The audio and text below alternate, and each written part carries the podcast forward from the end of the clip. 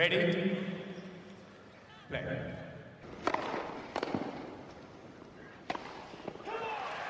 Merhabalar, Raket Servisi hoş geldiniz. Ben Gökalp. Ben Anıl merhaba. Evet, şu anda Asya'da tenis oynanıyor. Avrupa'ya geri dönüşler başladı sert kort sezonunda. Artık kapalı sert kort sezonuna tamamen geçiş yapıyoruz. İlla ki oradan buradan bir turnuva çıkacaktır ama sezonun o noktasındayız. Şangay bitti erkeklerde.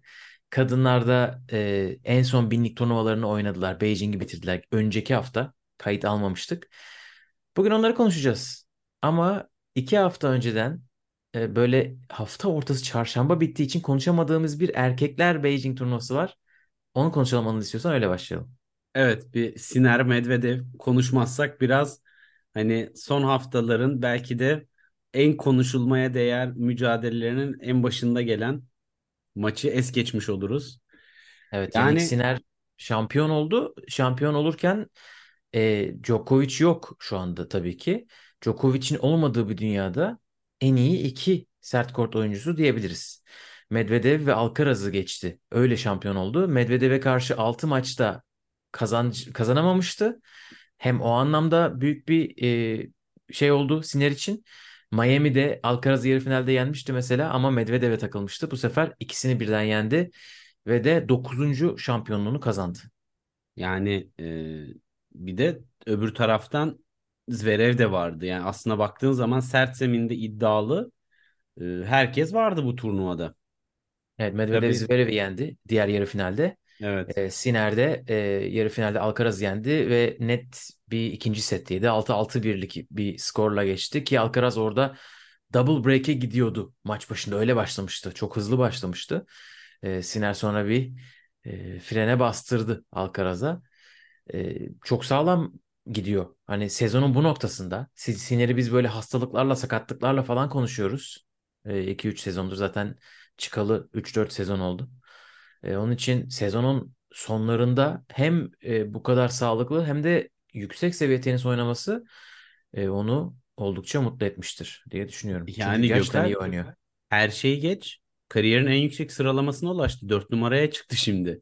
Yani bu kadar iniş çıkışlarını konuştuğumuz, istikrarsız dediğimiz, sağlık durumu ne olacak dediğimiz bir e, senede top sıralamasına geldi. Tabii ki bunda e, sahneden çekilen isimler e, ve biraz da performans düşüklüklerinin de katkısı var. Yani meydan da biraz boşaldı açıkçası. Ama yani Pekin turnuvası sert zeminde Djokovic hariç bütün önemli isimleri barındırıyordu. Zaten hani ATP 500 en iyi ATP 500 sıralaması diyorlardı. Zaten konuşmuştuk onu. Ee, bu açıdan çok bence motive edici bir galibiyet. Bence bu arada meydanın boşalması değil e, artık e, Sinner'in ben art, bakın bu ilk dört aramız açılıyor. Ben yukarı gruptanım diyeceği bir noktadayız. Çünkü Evet. aşağıdaki isimlere bakalım. Rublev, Rune, Tsitsipas, Ruud, Zverev, Fritz. Hani burada işte Tsitsipas, Zverev falan yukarı gelebilirler tekrar ama yani Sinner onların üstünde kalsa önümüzdeki 4-5 sene şaşırır mıyız? Ben sanmıyorum.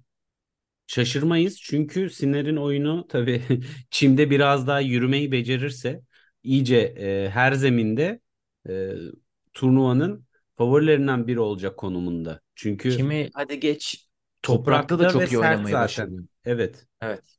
Toprak %90 oturdu. O zaman da zaten takvimin %90'ı. Ki hani ATP Evet. tur finallerini de kattığın zaman hani puan baremi olarak zaten çok e, başka bir noktaya geliyoruz. Benim sadece şu, yani şu anda Sinner'in oyunuyla ilgili düşüncem ya bu seviyeyi ne kadar koruyacak acaba? Bu seviyeyi slamlerde de devam ettirebilecek mi ve 5 setlik maçlarda devam ettirebilecek mi? Çünkü e, Medvedev'e karşı da bayağı sert bir maç yaptılar. Yani e, skordan bağımsız konuşuyorum. Ralliler inanılmaz risk seviyesi yüksek noktalardaydı ki Medvedev aslında bu kadar yüksek risk seviyesini yapmıyordu. E, sert zemin böyle kapalı indoorlarda. Tabii yine sayılar kısa sürüyordu ama o kadar az hata az hatayla bu yüksek risk seviyesini oynuyor ki şu anda Siner. Hani şey diyorum bu sürdürülebilir bir şey değil. Yani bu normal bir şey değil diyorum şu andaki oyununa. Bilmiyorum. e, bu sene Slam karnesi geçtiğimiz sezona göre e, daha kötü galibiyet olarak. Geçen, geçen sene 3 çeyrek finali vardı. Bu sene bir, bir yarı finali var. 2 dördüncü turu var. Geçen sene bir de 3 çeyrek final artı bir dördüncü turdu. Yani hepsini de ikinci, tur, ikinci hafta görmüştü. E, bu sene Masters daha iyi. Seneye iki yarı final bir finalle başlıyor. Kanada'yı kazanıyor. E, şimdi de Beijing. E, hani Şangay'da bir şey yapamadılar. Bu ekip olduğu gibi çeyrekten önce elendi. Hı hı. İlk dört Beijing'in bütün yarı finalistleri Alcaraz ve Medvedev hepsi Şangay'da ilk çeyrekten önce elendi. Zortladı. Ama e, Paris'te illaki geri dönecektir diye düşünüyorum. Ben hani sakatlıktan dolayı mı diyorsun sen bilmiyorum ama hani sakatlık olmazsa bence bu seviyeyi tutması çok zor değil Sinner'in. Ben üstüne de Yani çıkacak. ben sakatlıktan dolayı söylemiyorum açıkçası. Bu kadar e, winner yani ri- risk seviyesi bu kadar yüksekken winner basit hata oranının bu e, açık ara pozitif kalmasına ben şaşkınlıkla karşılıyorum. Çünkü burada Evet. biraz daha dengeli ol yani normal bir tenisçide bu daha dengeli olur böyle bir oyun tarzında. Anormalde Shapovalov gibi de olabiliyorsun. çok eksiye de düşebiliyorsun. Evet. Ee, ama bu kadar pozitif kalması kortu da rakibi hep geriye atıyor ve sert zeminde mesela şimdi e, şeyi konuşacağımızda Şangay'ı da konuştuğumuzda da yine söyleriz. Yani bütün olay zaten baseline'ın üstüne yapışabilen maçı kazanıyor. O noktada şu anda e, indoor sert zemin E, ve bunu çok acayip yaptı yani. Evet bence bir de güzel e, taktiksel işler yapıyor. Hani işte oyunu çok aşırı e, çeşitlendirmekten bahsetmiyorum ama e, böyle Alcaraz'ı 2-3 defa forehand kısa çaprazla kortu boşalttırıp forehand paralelle bitirdiği çok oldu. Evet. Sinir'in benim en Evet. sevdiğim yanı ya, o iki kanattan forehand'den de backhand'den de her şeyi yapabiliyor. Yön değiştirebiliyor. E, paralele çapraza istediği gibi vurabiliyor. Dediğin gibi hata oranının yüksek olduğu maçlar oluyor. Alcaraz'da hem burada hem de Şangay'da e, sezonun ilk yarısında oynadığı tenisten biraz uzak. Evet. E, ona rağmen yine çok yakın bir maç oldu ve Alcaraz e, neredeyse maça geri dönüyordu. Evet. Sinner ona izin vermedi. Bence burada bu turnuvanın asıl kazancı onun için o Medvedev psikolojik eşiğini aşması. Kesinlikle. 6-0 çok e, can sıkıcı bir tablo. 6 maçın 6'sını da kaybetmek. Şimdi bunu kazandı hem de bir final hem de biz kapalı sert kort finali. Medvedev'in sevdiği zamanlar. Senenin ikinci yarısı kapalı Öyle- kort zamanı. öyle final kupa final kupa şeklinde gitmeyi sakatlanmadığı zaman sevdiği dönemler. Avustralya'ya kadar böyle saçma sapan istatistiklerle ilerlediği dönem aslında. Evet. Ee, bu dörtlü bakalım. E, tabii Djokovic de var e, şu anda orada olmayan. Neler yapacaklar? Sezon sonu turnuvasında izleyeceğiz hep beraber büyük ihtimalle. Paris'e katılacak bilmiyorum Djokovic ama e, güzel bir şey oluşturuyorlar. Tutarlılıkla devam ediyor. E, istiyorsan ilerleyelim. Bir E, o hafta bir de Astana turnuvası vardı yarım kalan. Onu da kazananı söyleyelim. Manarino kazandı. Sebastian Corde'yi geçti. Ve Manarino'nun da ATP turnuvası kazanması bu yaşında e, takvime yazar be Gökalp. Gerçekten takvime yazar. Bilmiyorum e, ya nasıl yani? Ka- kadroda gerçekten e, hani Korda haricinde bilmiyorum Astana'daki ekip bana biraz e, şey geldi açıkçası. E, zayıf gelmişti oradaki katılım. Tekrar bir bakayım. Ama Ha, ama yani ATP 250 kazanmaktan bahsediyoruz. 35 yaşında bir adam. evet Şimdi yani bir de geçen Ağustos'tan beri 3. kupası. E, bir de onların üstünde bir final var. E, kariyerinde resmen ikinci bahar yaşıyor Adrian Manarino. Çünkü ilk kariyerinin ilk 10 finalinin ki ilk finaline 27 yaşında geliyor baharı böyle İlk 10 değildi finalinin- ya. İlk 10 finalin 9'unu kaybetmişti. Evet. Şimdi son 4 finalin 3'ünü kazanmış e, bir yere geldi. E, bu benim şaşırdığım Astana'dan gelen iki finalist de Şangay'a geldiler. Korda yarı final gördü. E, işte Manarino da Rublev'a kaybetti. Rublev da şey dedi. Kusura bakma ben bugün muhteşem oynadım. Özür diliyorum. Hani öyle öyle bir maç sonunda kaybetti. E, Korda'nın ilginç bir istatistiği. E, oynadığı 5 sert kort finalinde kaybetmiş. Henüz Hadi sert ya. kort şampiyonluğu yok. Hurkaç'a, Rublev'a, Felix'e, Djokovic'e ve şimdi Manarino'ya. Hani ilk dördü tamam ama e, bu biraz kendine yazdırmıştır herhalde. Bunu da kaybetmeseydin demişlerdir. Biraz öyle. Ama ben e, Korda'yı sezonun bu bölümünde gerçekten ya, ilk yarısına hatta ilk 3 çeyreğine göre çok daha iyi gördüm. E, bir vücut dili şey geldi. Hala böyle bir ateşli değil ama e, oyun istikrarı, servis kullanım etkinliği çok çok daha e, yüksek ve hani o patlama beklediğimiz dönemdeki o servisiyle maçta sürekli kalıp rakibin konsantrasyon boşluğunda break'i yakalayıp maçı koparan e, oyun stiline tekrardan e, bulmaya başlıyor gibi. E, sanırım konsantrasyon konusunda özellikle bu senenin ilk yarısında çok ciddi sıkıntıları vardı. Çünkü çok fazla dümdüz oynayıp hani tak, teknik taktikten uzak bir oyunu vardı. Ee, şimdi onları biraz daha tekrardan önceki yükseliş dönemine geri gelmiş gibi göründü. Yani sadece Astana'da değil genel olarak.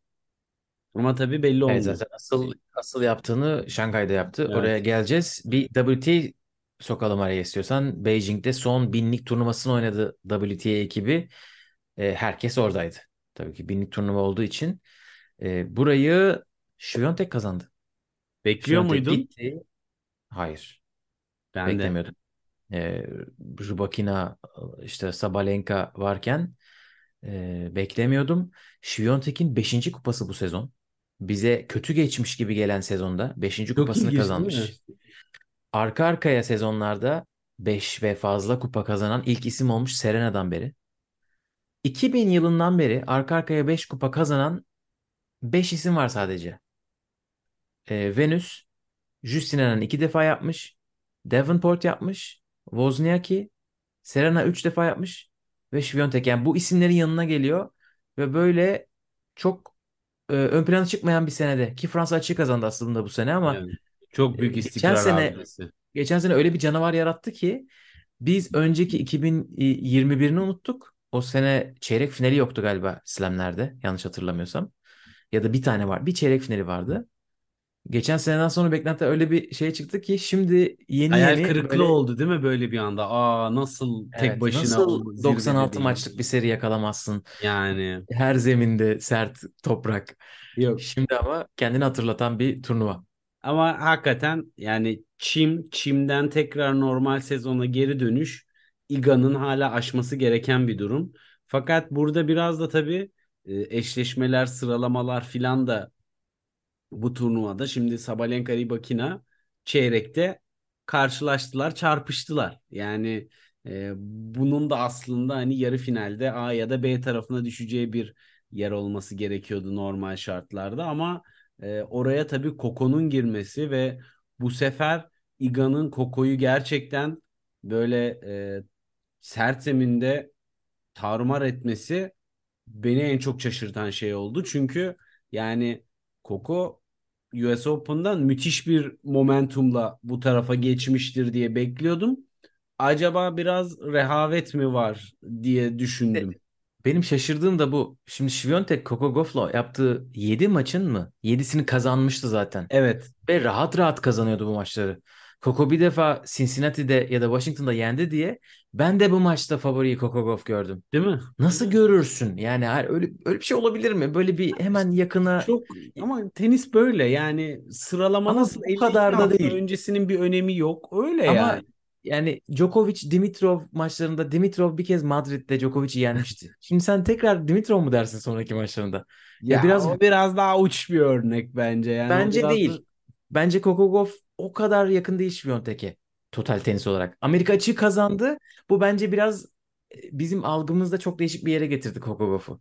Aralarında yine mental fark var. olarak değişik değişik bir yere getirdi. Özellikle bir de kırılganlığının azaldığını düşündük ama işte o e, gerçekten Iga'nın forehand Ama bu arada çaprazı tam şey de değilmiş, formda değilmiş. bence. E, o- omzunda bir sakatlık varmış. E, yani bir tam yüzde yüzünde değilmiş Hmm. Coco. Zaten oynamadı bayağı Amerika'dan sonra. E, buraya Evet. geldi.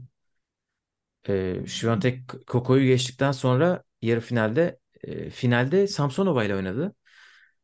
O maç E, biraz çok güzel bir üçlü yarattılar. Evet. Samsonova'yı yeniyor. 3 maçların tamamını kazandı. Samsonova Rybakina'yı yeniyor. 4 maçların tamamını kazandı. Rybakina da Świątek'i yeniyor. Bu seneki 3 maçlarını kazandı. Böyle bir üçlü var. e, madalya e, şey videosu aklıma geldi. Gerçekten herkes birbirini yeniyor bu üçlü arasında. E, dediğin gibi Ona eşleşme ona. dediğin gibi eşleşme burada çok kritik oldu. Samsonova gerçekten Rybakina'yı bir şekilde seviyor yani o oyunu oynamayı. Evet. Yine yarı finalde hem de yani e, 7-6-6-3 set kaptırmadan geçmeyi başardı. Bir de Sa- Samsonova'nın yolu da aslında Ostape formda Ostapenko'yu da yendi. Yani Evet. e, turnuva tabii ki kadınlar tarafında e, turn- turnuva sayısı gerçekten çok az erkeklere göre. E, duyan geliyor dolayısıyla. Yani kadınlarda binlik turnuva sektiren yok. Tabii. Yani Zaten e, yasak hani katılmamaları ama bir de hani bir sağlık sebebi bulayım da gitmeyeyim diye bir şey de yok. Evet. Öyle bir durum yok. Bir de 35 yaşın üstünde ilk 20 oyuncusu da çok fazla yok. İşte e, Djokovic gibi, Nadal gibi. Öyle olunca gerçekten herkes gidiyor oraya. Sakat olsun olmasın. bir E, işte öyle dop dolu. şey arşa çıktı tabii. Bu performance by kuralı biraz arşa çıktı. Ee, Aynen ama onu geçen bölümde şey yapmıştık, konuşmuştuk. yani burada iyice o yaptılar. burada iyice şey yaptı, şikayetler iyice yükseldi. Ama ben anlamıyorum yani senelerdir olup da uygulanmayan bir kural olması bir garip yani. Neyse bu, bu da tenisin garipliklerinden sadece bir tanesi bence buraya gelene Evet. kadar. Evet, Świątek e, güzel bir zafer elde etmiş oldu böylece. Kapalı sert kort Master turnuvası e, uzun süredir yoktu böyle bir şey. Beijing'i bitirdik e, geçtiğimiz hafta. Bu hafta e, Şangay bitti. Bugün e, finalde Hurkaç Rublev'u yenerek şampiyon oldu ve ikinci Masters şampiyonluğunu kazandı. Zhangzhou var, Hong Kong var, Seul var. Kadınlarda 3 turnuva var ama bir Şangay'la başlayalım. Orada birçok maç oldu. E, yarı finalistler ama Hurkaç, e, Rublev, Dimitrov, Korda. Böyle bir dörtlü ile bitti bu turnuva. Çok acayip beklediğimizden farklı bir yere evrildi turnuva ama bunda da e, şeyin de payı var herhalde. E, sene sonunun biraz metal yorgunluğunun da payı var. Yani Şangay Federer hariç sürprizlere açık bir turnuva oluyordu genelde bence. Djokovic, Murray. Murray burayı arka arkaya 3 kez kazandı yanlış hatırlamıyorsam. E, Djokovic burayı çok seviyor. E, Federer Djokovic finalleri vardı. E, Del Potro falan burada sürekli e, çeyrek ve sonrasını görüyordu. Burası gerçekten hani böyle Amerika açıktan sonra yeterli bir işte bir ay geçmiş. 6 5-6 hafta geçmiş. Ha evet. Yine büyük isimler geliyor ve çok iyi oynayacaklar diyeceğimiz yer oluyordu. Bu sene tabii Djokovic yok. Diğer isimler döküldüler. Pekin'den gelenler çeyrek final göremedi. Değişik bir e, tablo oluştu. Ya aslında prize money yani tabii işin parası da çok iyi burada. Ona rağmen hani e, baktığın zaman çünkü e, şampiyon 1.2 Herkes. milyon dolar alıyor. Ama herkes buradaydı. Evet Sadece yani kaybettiler. ya işte e, bence biraz bir unutulmuş burası. Seyirci tarafını da ben zayıf buldum açıkçası turnuvada. Değil mi? Yani Ben böyle özellikle ilk, iyi. ilk 3 tur maçlarında Alcaraz'ın bile maçları doğru düzgün de olmuyordu. Şimdi tabii şey tam hatırlamıyorum saatleri oranın ters saati miydi Avrupa'ya yönelik miydi saatler o maçları izlediğimde Ee, ama yani 2019'dan beri düşün ki 2019'dan beri ilk defa tekrardan ATP geri dönüş yapıyor. Her gün full çekmesi lazım aslında. Evet. Yani ben o, oradan çok bir patlama bekliyordum. Ee, böyle seyirci, ilgi, alaka, pazarlama böyle. Hiç Ama o ama özlem yok muymuş yani hani e, bir ya onu her gün yapamazsın onu. Şimdi düşün. E, Birincisi her gün maç oynamıyorlar. Yani evet bu- e, aynı noktaya geliyoruz. evet İki hafta, iki senedir aynı noktaya gel- iki sene oldu mu bilmiyorum. Geçen sene var mıydı bu olay yoksa bu sene mi başladık hepsine? Yok geçen sene de vardı. Yani şimdi Federer, Djokovic, Nadal buraya geldikleri zaman çarşamba, perşembe, cuma, cumartesi, pazar oynuyorlardı. Öyle bir şey olabiliyordu.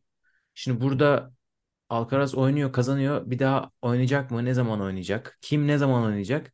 Zaten teniste kimi izleyeceğini bilmek çok zor. Şimdi ekstra bir zorluk getiriyorlar. Acaba çeyrek final e, çarşamba çeyrek finalini mi oynuyor? Perşembeyi mi? Perşembe cuma mı oynuyor falan gibi şeylerden dolayı bence doldurmak zor. Bir de e, şimdi yıldız gücü yok. Hani Federer'in sen final gününe, yarı final gününe e, getirirsin, oturtursun koltuğa. O zaman gerçekten insanlar gelirler. Ama Evet. sen 10 günlük turnuvayı her Bir gün Federer'i mi getireceksin? Evet. Djokovic yok, Nadal yok. Hani böyle bir dünyada e, nasıl olacak bilmiyorum. Alcaraz geldiği zaman da iki günde bir oynuyor. Diğerleri de e, bir de erken kaybetmelerinin de bence çok büyük şey oldu. Yani Medvedev mesela Zverev e, onlar çok popülerlermiş Çin'de. Bugün bir yazı okudum. ha, E, onlar belki biraz yarı finale kalsalardı hani belki farklı olabilirdi biraz ama daha. e, herkes gerçekten birilerine gitti. E, onları konuşalım istersen. Kim kimlere kaybetti yüksek seri başlarından? Ya bir, Ee, oraya girmeden ben naçizane bu Masters olayında ideal sürenin 9 gün olduğunu düşünüyorum. Yani bence de bir haftada yerine o iki hafta sonunun da e, ekmeğini yemek bence okey. Ama çarşambadan başlayıp böyle sakız gibi uzatmak çok çok fazla. Yani e, başlat abi cumartesi başlat ondan sonraki pazar bitir. Yani o zaman hani televizyon seyircisini de daha fazla yakalayabiliyorsun gündüz maçlarında. Hafta sonu e, kalabalığı oraya çekmek de gerçi hani Şangay'a baktığın zaman milyonlarca insan var yani o kortun her türlü de olması lazım da. Neyse çok yani ben biletler. Çin'deki bütün turnuvalarda biletler çok ucuzmuş. hadi ya. Evet. Ama Çin'e gitmek ucuz değil. Onu ne yapacağız? Yok hayır oradaki milyon insan için diyorum. O doğru. Zaten dışarıdan biri Kendime yordum gerek. pardon. Ben 7 gün taraftarıyım. Ben çok eski kafa davranıyorum bazı şeylerde. Avustralya açık açıklamasını yaptı. 15 güne çıkarıyorlar. O okey. Grand Slam'lerin bir farkı olsun. Yani Masters her şeyde Grand Slam'lerle yarışmasın. Ee, Biraz oraya geliyor konu yine. Ee, Ama e, ben şeyi yani teniste zaten her şeyi bilmek çok zor ya. Ne ne zaman oynanacak, kim ne zaman Evet. oynayacak. Pazartesi ilk tur, e, final işte pazar final. 7 Bunu tur istiyorum. kardeş. Evet, 6 ne- neyin ne zaman oynanacağını bilelim. Çünkü zaten eğer sen bir de burada ilk tur bay geçiyor, değil mi? Yüksek seri başları. Evet. Sen iki gün erken başlatacaksın. Yüksek seri başları oynamayacak. Ya o Kim? hafta sonu zaten kimse gelmez diyorsun.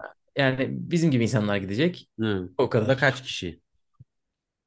İşte bir 10 bin kişi vardır Çin'de. Çin'de değil de Şangay'da.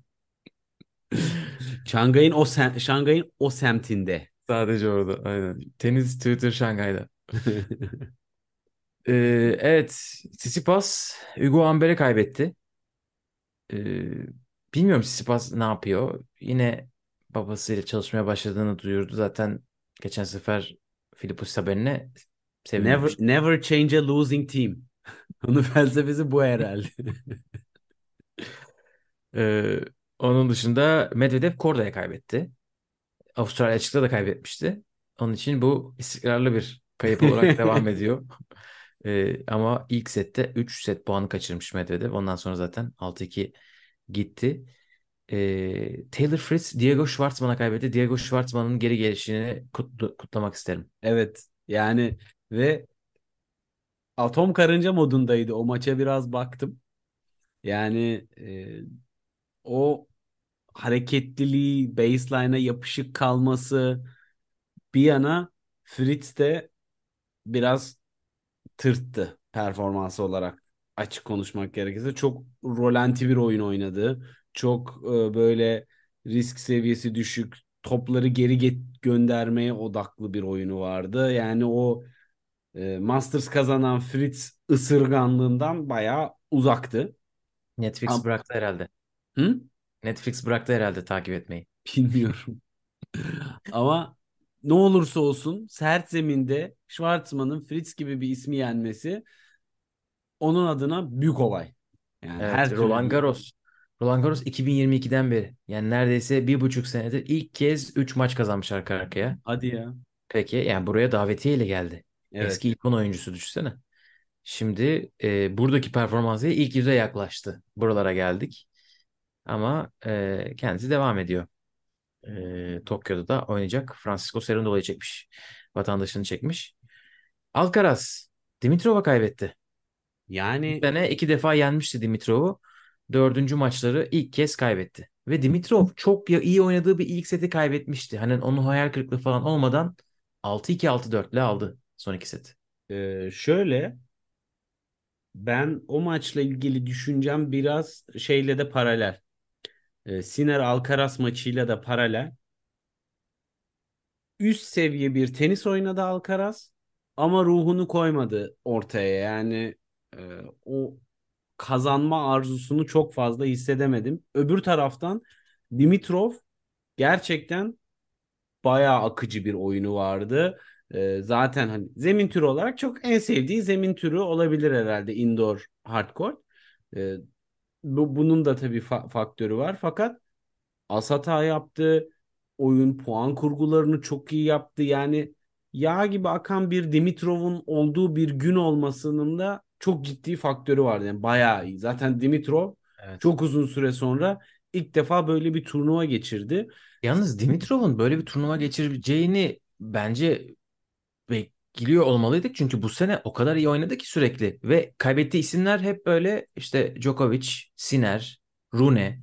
Hani böyle ilk 5 isimleri, ilk 10 isimlerine kaybetti. Kesinlikle. Hep üstüne düşeni yaptı. Bir, ta- bir yerde patlayacaktı. Bence bu orası oldu. Yani şöyle e, bence o kadar beklememenin sebebi e, slamlerde hep böyle tur geçtikçe dördüncü tura geldiği zaman atletik olarak yani fiziksel olarak zaten dipçik gibi de kondisyon olarak veya konsantrasyon artık hangisine kadar daha çok tetikliyor bilmiyorum. Bir yerde tıkanması ve böyle e, çeyrek yarı görme slam seviyesinde beklentisinin olmamasından dolayı buralarda da otomatikman çok düşünmüyorsun bence bilinçaltında. Hani onun öyle bir etkisi var. Ama Best of 3'de her şey açık. Yani Ve İslamlarda da bu sene uzadı. Ona yaradı. bu sene bu arada Wimbledon'da 4 sette çok yakın 4 sette Rune'ye kaybetti. Evet. Hiç sev- oynamayı hiç sevmediği bir Zverev var. Bence o o yani isimle açıklanacak bir şey değil. Çünkü Zverev'e kaybedince çok kötü kaybediyor Dimitrov. Hem Roland Garros'ta hem Amerika açıkta Zverev'e kaybetti. Avustralya'da da Djokovic'e. Bence okey. Hepsi olabilir tabii ki. Yani böyle bir sezon hani çünkü geri kalan turnuvalarda da e, Zverev'e zaten 15 defa falan kaybetmiş bu sene. Bak bak bakınca canım sıkıldı. Ama burada e, iyi bir hafta geleceği bence belliydi. Burada ama Alcaraz'ı yenmesi biraz ekstrem bir iş. Tabii. Alcaraz sen o ruhu koyamadı diyorsun. Bence ruh kalmadı biraz. Hani o e, tanker boşaldı motivasyon anlamında ve Değil mi? e, daha Amerika açık maçını kaybettiği gün Medvedev'e e, o Juan Carlos Ferrero Akademisi bir sosyal medya paylaşımı yapmıştı. E, dünya bir numarası şeyimiz devam ediyor. Onun için çal- çal- çalışmaya devam edeceğiz. E, olasılığımız devam ediyor. Gerçekten yarışta çok yakındı Djokovic. Aralarında 500 bin puan arası bir şey vardı. Asya'ya o amaçla gitti. O illaki e, elini kolunu bağlamıştır diye düşünüyorum. Yani bir o var aklımda. Bir, bir de sol bacağı sürekli sargılıydı son turnuvalarda. Ama onda bir sıkıntı yok gibiydi. Yani hareketliliği gayet iyiydi. Ama sürekli Asya'da başarılı olması lazım bir numarayı ele geçirmek için. Bence bu üstünde büyük büyük oldu. Çünkü bunu kaybettikten sonra da zaten Instagram'da Asya'ya bunun için gelmiştim gibi bir şey yazmış. Ya orada ya da basın toplantısını hatırlamıyorum. Hani hı. bence onun baskısı biraz kafasını karıştırmış olabilir. Şimdi düşünsene Djokovic bir gelecek Paris'e ya da e, Torino'ya. Dünyanın en taze insanı olarak geri gelecek şimdi yine. Amerika açısından beri oynamayan insan. Gerçekten öyle. Adam her yere yeniden doğmuş gibi geliyor bir de değil mi? Tabii yaş kuralından dolayı o pas geçebiliyor. Ee, diğerleri öyle istedikleri zaman pas geçemiyorlar. Sakatlıkları olması lazım. Masters e, şey yapmak için. Ki zaten Masters'ı neden böyle pas geçin ama mesela 500'lük turnuva olur. Hani onları e, yapabilirdi. Ama sırf bunun için hani puan için belliydi. Bu seneyi birinci numara kapatmak istediklerini söylemişlerdi çok. Bence onun da etkisi olmuştur. Evet ama yani bu kadar yoğun bir e, takvimin ardından bir turnuvalara katılsa da e, kendini salması bence çok okey ya. Yani ben e, normal hani ne olacak bu Alcaraz'ın hali Dimitrov'a nasıl kaybeder? Önce Sinner sonra Dimitrov Yok, hani evet.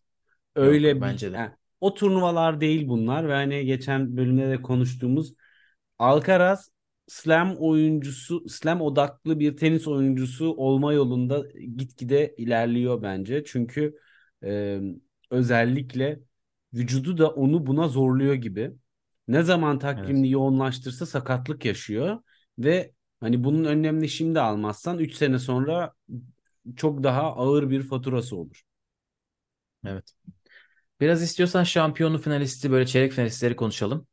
E, Hurkaç'la Rublev oynadılar tabii. Çeyrek finalde de güzel isimler vardı. Ben Shelton mesela e, böyle buralarda çeyrek final yaparak hani bir seferlik olmadığını gösteriyor, devam Evet. ediyor ve çok yakın bir maç kaybettik orada ya.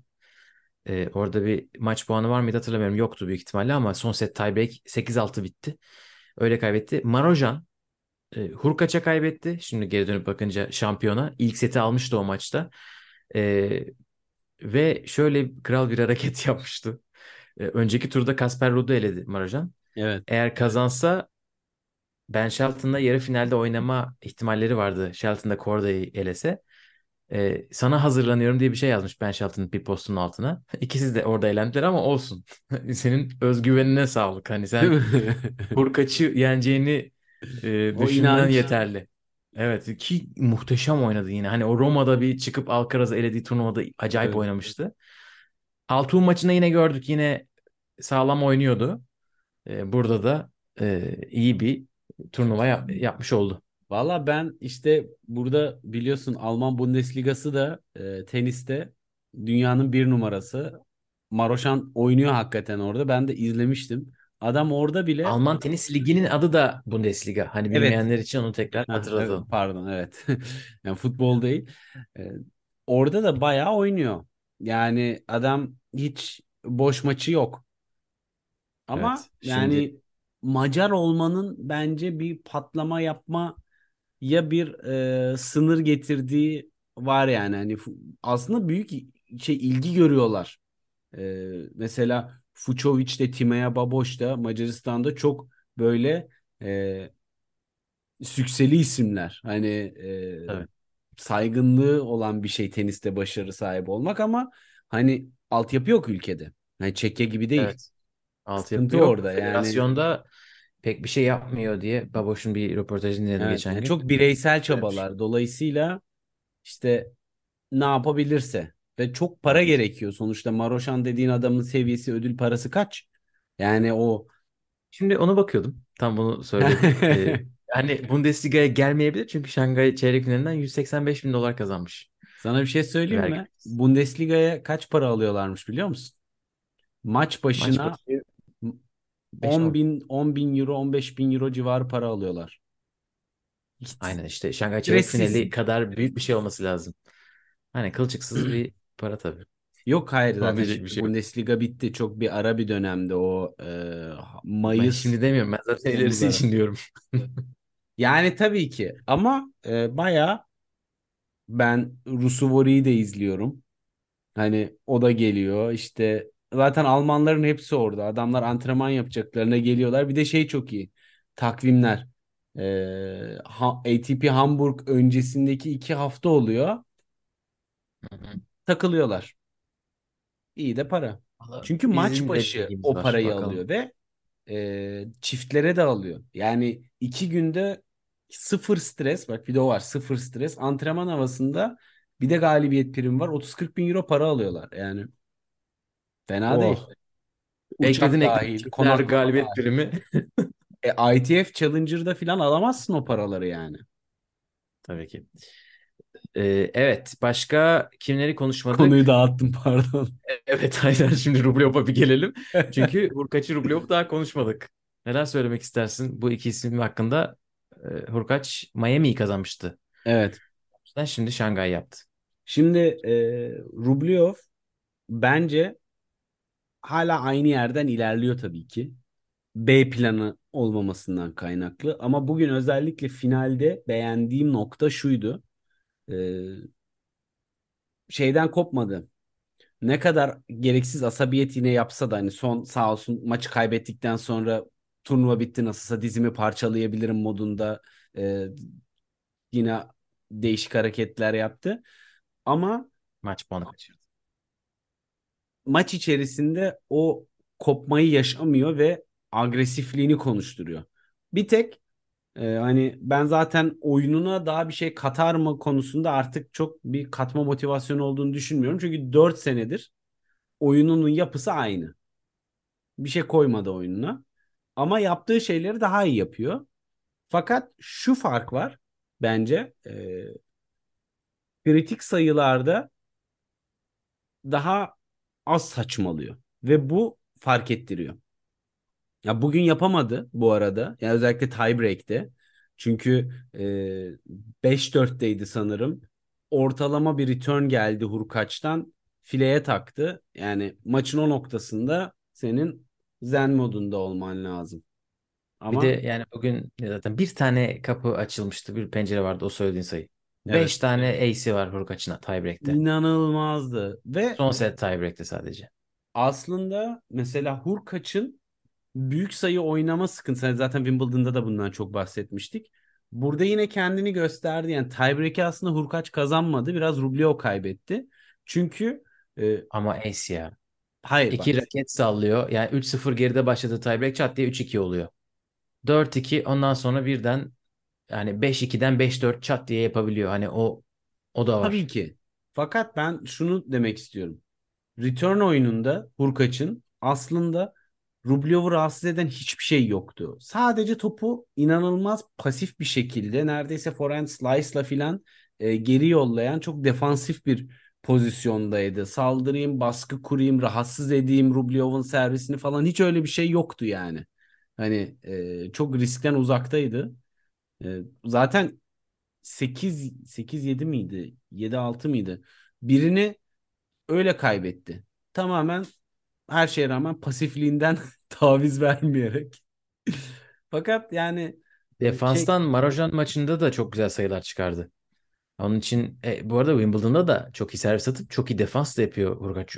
Ya omuz açıklığı inanılmaz geniş olduğu için ve o forehand slice mesela çok bence acayip kolay bir vuruş değil o squash vuruşu. Çok ama yükselterek yollayanlar var. Hurkaç tabii. ikisini de böyle fileye yakın geri yollayıp sayıda çok iyi kalabiliyor.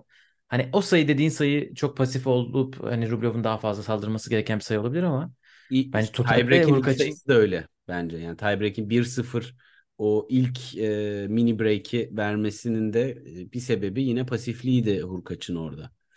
evet. Ama onda bence işte o yüzden tiebreak üstadı olmak çok özel bir şey. Yani Djokovic'in bu istatistiklerini o yüzden ben her seferinde tekrardan böyle şaşıra şaşıra bakıyorum. Çünkü o kadar anlık bir şey ki o ilk serviste bir kötü servis atıp ikinci servise düştün mü zaten stres oluyor. Eyvah mini break'le başlayacağım diye. Sonra Evet. bir de orada %80 rally'e giriyorsun falan filan. Yani Evet artık Hurkaç için bir sonraki hedef büyük ihtimalle Grand Slam'larda tekrar çeyrek final üstünü görmek olacak. Çünkü iki sene önce yarı final görmüştü Wimbledon'da.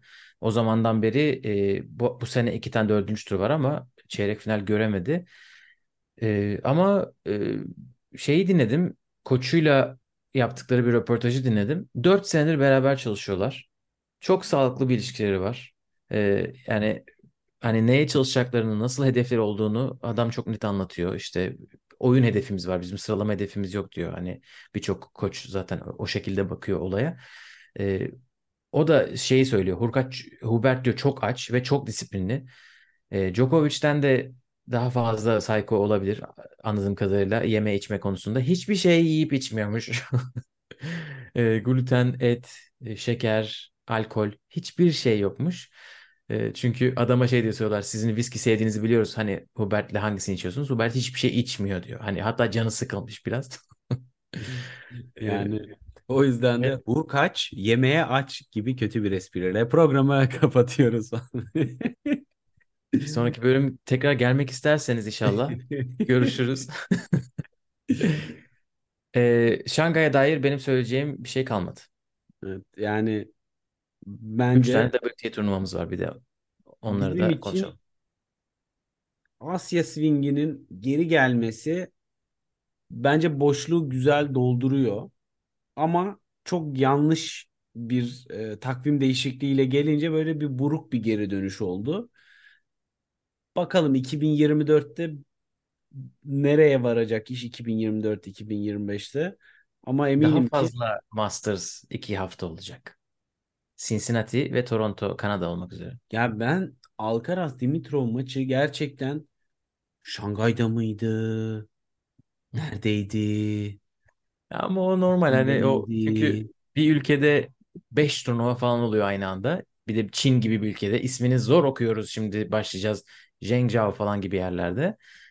Onun da ka- katkısı oluyordur. WTA'ye geçelim istiyorsan. E, WTA'de maşallah turnuva bolluğu. Tabii e, binlik turnuva bitti ama Turnuva yok dedikten sonra değil mi? WTA'den sana Bir tokat alın gibi bir size cevap. turnuva dediler böyle bir fırlattılar WTA'nin üstüne. Evet. Bir tane 500'lük oynandı Zhengzhou'da.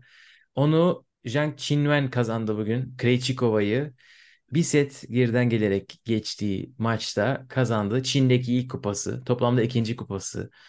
Wim Fissette onu bıraktı. Şimdi o düşünsün dercesine bir performans. Ee, yani ilk Temmuz'da kazandı Palermo'yu. Ondan sonra Amerika açıkta çeyrek final. Şimdi bu e, 500'lük bir kupa.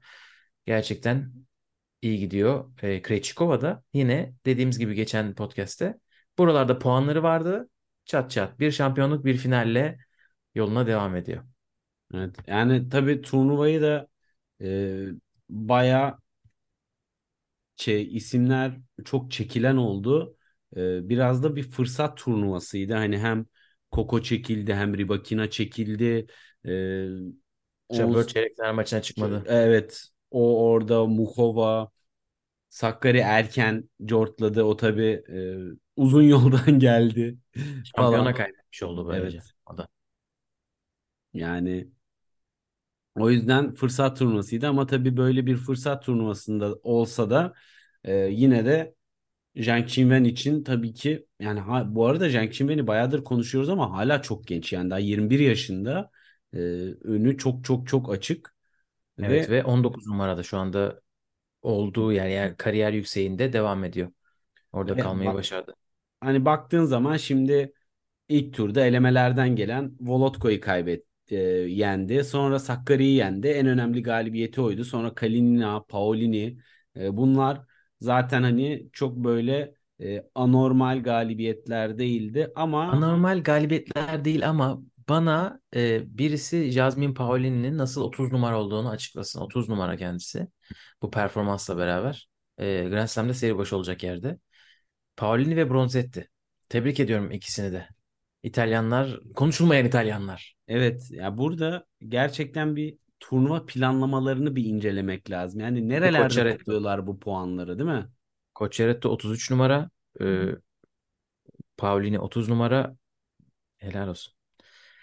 Yani Ama e, baktığın zaman Paolini dediğin insanın slam seviyesinde üçüncü tur görmüşlüğü yok. Yani bu da e, bu ten- tenis yapısının garipliği. Çok detayına girmek istemiyorum ama şampiyon Ben olduğun bir seviyorum tur... onu. Hı? Ben seviyorum onu. Yani Slam'de çok büyük başarın olmasa da yükselebilmeyi. Yoksa yani dört tane turnuva belirliyor. Sıralamayı oluyor öbür türlü. Ya işte garipliği oluyor ama yani hani rating insanların yüzde doksanı ne izliyor? E orada bu isimleri görmüyorsun. Ama sen dört tane e, şeyle turnuvayla geçindiremezsin koskoca. Aynen öyle. Onun Aynen için öyle. WTA turnuvalarına puanlar yazılsın. E, diğer iki turnuva Hong Kong ve Seul. Hong Kong'da Leyla Fernandez kazandı. Sevindim. geçti. Çok sevindim. Valla ben Leyla Fernandez'in iki maçını izledim bu hafta. İnanır mısın? Ben inanamıyorum. Öyle denk geldi. Kısmet. E, Azarenka maçının ilk setini izledim ve dedim ki Azarenka öyle bir inanılmaz oynuyor ki ikinci setini izlememe gerek yok. Kapattım. E, Azarenka üçüncü setin başına çekilmiş. E, onun için böyle bir şey de var. Yani inanılmaz oynamıştı Azarenka ilk sette. İkinci sette ne oldu bilmiyorum. Hani Leyla Fernandez'e ufak bir şans olmuş orada o maç. Sonra Mira Andreeva maçının sonu çok güzeldi. E, Leyla onu da geçti. Bugün Sinyakova'da. E, yalnız çok inatçı bir şey tenis taktiği var. Ben merak ediyorum değiştirecek mi hiç kendini. Yani çok yapışıyor çizgiye. E, böyle sert Oradan ayrılmıyor oyunculara değil mi? karşı hiç ayrılmıyor. Yani dizleri yere değsin gerekirse. E, Değ- o zaten değiyor sekmeden devamlı. sürekli değiyor aynen. Raducanu'nun onun Radvanska falan. Hepsi değsin E, ama geri gitmesin. Sert vuran oyuncularda bence çok zorlanıyor. Azarenka öyle bir maçtı. Ama Andreeva, Sinyakova biraz daha öyle bam güm geriye vuran isimler olmadığı için Mira mesela e, akıllıca sayılar aldı ama Leyla mesela voleye çok rahat koşuyor. Öyle artıları var tabii ki çizgiye o kadar yapışmanın. E, bunu diğer maçlarda nasıl yapacak merak ediyorum. Böyle e, atıyorum Rybakina ile Sabalenka ile oynadığı zaman. E, geçen Mart'tan beri ilk kupası. Toplamda da üçüncü kupası olmuş. Monterrey'de 2021-22'den sonra burada e, üçüncü kez kupa sahibi oldu. Yani gerçekten ben Leyla'dan yani Leyla'ya sevinmekle beraber Sinyakova'nın bu performansına çok şaşırdım açıkçası. Evet, da Yani sakatlık zaten yaşamıştı bu sene. efendim Sakatlık yaşamıştı bir de bu sene. evet ve hani Batonburg'da da izlemiştik hatırlıyorsan yani e, orada da finale nasıl çıktı, orayı nasıl kazandı filan böyle bir sürü hiç oyununda göstermeden maçları kazanmayı başarıyor. Değişik bir oyuncu profili orada da. Dolayısıyla totalde de Hong Kong e, orada ilginç bir final oldu ama e, yani Leyla seneye oyununa ne katacak, ne katmak isteyecek açık açıkçası çok önemli. Çünkü e, yani yoksa bu rolanti'de devam edecek ki yani çok herkesin çok yüksek beklentisinin olduğu bir yıldız adayıydı. Hani baktığın zaman çiftlerde de e, iyi şeyler yapabiliyor. Ama işte o Amerika açık finalinden sonra işte hem sakatlığı vesairesi oradan geri dönüşünde oyununda hani bir ilerleme, bir yenilik yok. Yoksa potansiyeli hala yüksek ama işte orada kalıyor. Ama yani oyunu çok yüksekte. Bence bu kadar oyunun yüksekte olan insanlardan e, o kadar büyük ilerleme beklemek şey oluyor. Yani o- onu tutturdum mu zaten 4 maç arka arkaya. Yani şimdi ne yapsın kız? Keşke yapmasaydım diyordur. Osaka'yı, Sabalenka'yı kimleri kimleri yendi ya aynı turnuvada. Evet. Sonra gitti Raducanu'ya yenildi ama hani e, şimdi Raducanu'nun olduğu durumu düşünürsek yine o sakatlıklara rağmen iyi devam ediyor yani bir belli bir seviyede devam ediyor. Son turnuva Seul. Orayı Jessica Pegula kazandı. Yue Yuan'ı geçti finalde. Yue Yuan'ı belki hatırlarsınız. Berfu Meksika'da yenmişti sene başında finalde. Burada o ilk defa kariyerinde çeyrek final WTA seviyesi sonra yarı final sonra da final gördü. Ama Pegula'ya kaybetti. Pegula buraya davetiye kapıp gelmiş. Neden olduğunu biliyor musun? Ben bu hafta öğrendim. Yok. Pegula yarı Koreliymiş. Aa, Ben şok. üstüme iyilik sağlık. Ee, annesi Kore'de e, bir kimsesizler yurdunda bir çocuk. 5 yaşındayken Amerikalı bir çift evlat ediniyor ve Amerika'ya getiriyorlar. Hani Kore bağları varmış. Gerçekten de ailesine bakınca kız kardeşi biraz daha şeye benziyor böyle yarı Asyalı andırıyor. Pegula ben direkt e, İtalyan diye düşünmüştüm. e, Rucola gibi bir soyadı olduğu için aklım, aklıma öyle gelmiş. Ama bayağı e, ben işte kökenlerime geri geldim. İşte çok bilmiyorum burayı ama kimchi seviyorum. İşte Kore barbeküsü seviyorum falan demiş. Onu biz de Burayı da seviyoruz kazandı. yani. Hiçbir tam bağımız Lahana turşusunu biz de severiz. E, geldi 250 puanını aldı burada. Valla helal olsun. Ama tabii şunu da söylemeden geçemeyeceğim. 250 Müthiş boş bir turnuva. Bomboş bir turnuva. Yani hani Pegula'ya buradan çok da güzelleme yapacak bir şey e, bulamadım açıkçası. E, Pegula'ya güzelleme mi yaparsın yoksa şey mi bilmiyorum. Pegula'nın 127. maçıymış sanırım bu bu sene. E, tekler, çiftler ve karışık Ha. çiftler toplamında. Çünkü o kadar fazla her şey oynuyor ki. Her Hani şey bunların oynuyor. Slam'lerde zaten üçüne de katılıyor. bir de gelip e, burada gerçekten duygusal bir sebep var anladığım kadarıyla. Yoksa neden burada 250'lik Seul oynarsın? Zaten Beijing oynamışsın işte ondan sonra gitmişsin Zheng Zhao'da kaybetmişsin falan. O, o da Jessica Pegula işi. Şimdi Cancun'a gidecek çünkü e, hem teklerde hem çiftlerde ilk 8'de olduğu için. Peki Ostapenko'nun burada wild card'lı bir Koreli'yi ilk turda kaybetmesini hakkında ne düşünüyorsun? Ya, ismini okuyamayacağım için şimdi. Beck diye hatırlıyorum ismini. Evet. Çok ilginç. Ostapenko işleri. Tamam. Bir Yani numaralı bir numarayı yen sonra böyle bir davetiyeyle gelen isme kaybet. ö- öyle de bir e, turnuva. Zira yani yenildiği kız 494 numara. Evet. İşte herkes ama bir gün bir numara gibi oynayabiliyor demek ki. Ya da Ostapenko'ya karşı e, böyle bir şey yapabiliyor. Yani çok ilginç. İstiyorsan bu haftaki turnuvalara böyle isimlerine bir bakalım neler var neler yok. Erkeklerde Evet. 3 turnuva var. Tokyo'da 500'lük bir turnuva var. E, orada Güzel. ağır Tokyo toplar severiz. oradalar. E, Fritz orada, Kasper Ruud orada, e, Zverev, Alex de Minaur, Tommy Paul böyle isimler Tokyo'dalar. 250'lik iki Avrupa turnuvası var. Bir tanesi Stockholm. Holger Rune ve Adrian Manarino ilk iki seri başı. Antwerp'te de Tsitsipas ve Struff ilk iki seri başı. Antwerp'te olabiliriz bu hafta. Instagram'ınızı e, raket servisi Kaçırmayın. eklemeyi unutmayın. Aynen kaçırmayın. Öyle Gurme gurme turnuvalarda bu hafta. Evet. Evet. Antwerp'e gitmedik demeyiz. Ama tabii çekilen isimler biraz üzdü bizi. Yani isimlerin çekilmesi biraz e, Evet, ben de Striker ve Tsitsipas'ı belki izleriz diyordum çeyrek finalde ama ikinci turda birbirlerine oynayacak yere düşmüşler. Hoş değil. evet, yani kura Kadınlarda kadınlarda 3 turnuva birden var. Anıl'a cevaplar bitmiyor. Ee, Çin'de Nanchang turnuvası. Burada Haddad Maya kalmış, Magdalinet kalmış. Biz Çin'e doyamadık demişler. Ee, Tunus'ta, Monastır'da Ons yok. Ee, sakatlığından dolayı büyük ihtimalle Cancun'la Evet. çok yakın zaten. Paolini bir numaralı siribaşı. Mertens iki numara. Ve Cluj, Napoca, Romanya'da Kristeya bir numara. Alicia Parks iki numara. Ama bakın kim yarın merkez kortta maçını oynuyor. Birinci turda bayrağımız da var. Evet. Peki. İpek e, şanslı kaybeden olarak ana tabloda kendine yer buldu. E, davetiye ile kat- oynayacak olan e, Rumen Miryan Bulgaru'yla oynayacak pazartesi akşam maçını. Güzel kura. Güzel Heyecan. de e, puan fırsatı. E, buradan bakalım ne çıkar bahtımıza ama WTA'de ikinci tur, üçüncü tur bunlar sene, seneyi kapatmak adına bence müthiş böyle bir e, motivasyon olur önümüzdeki sene içinde.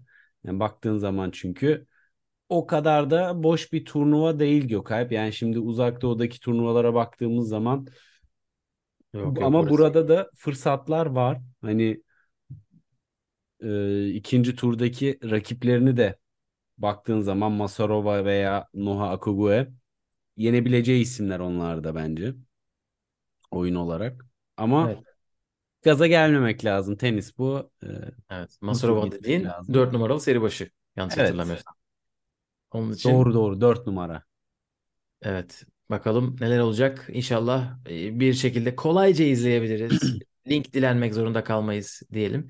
E, benim söyleyeceklerim bu kadar. Ya WTA TV artık yani ana tabloyu da yayınlamazsa Yok ben daha çok Türkiye yayıncısı Heh. olarak düşündüm. ha, o, o iş e, o iş başka. O yayın işi maalesef gerçekten hala bir çözemedik onu ya. Bu kadar da Evet. online platform var ama.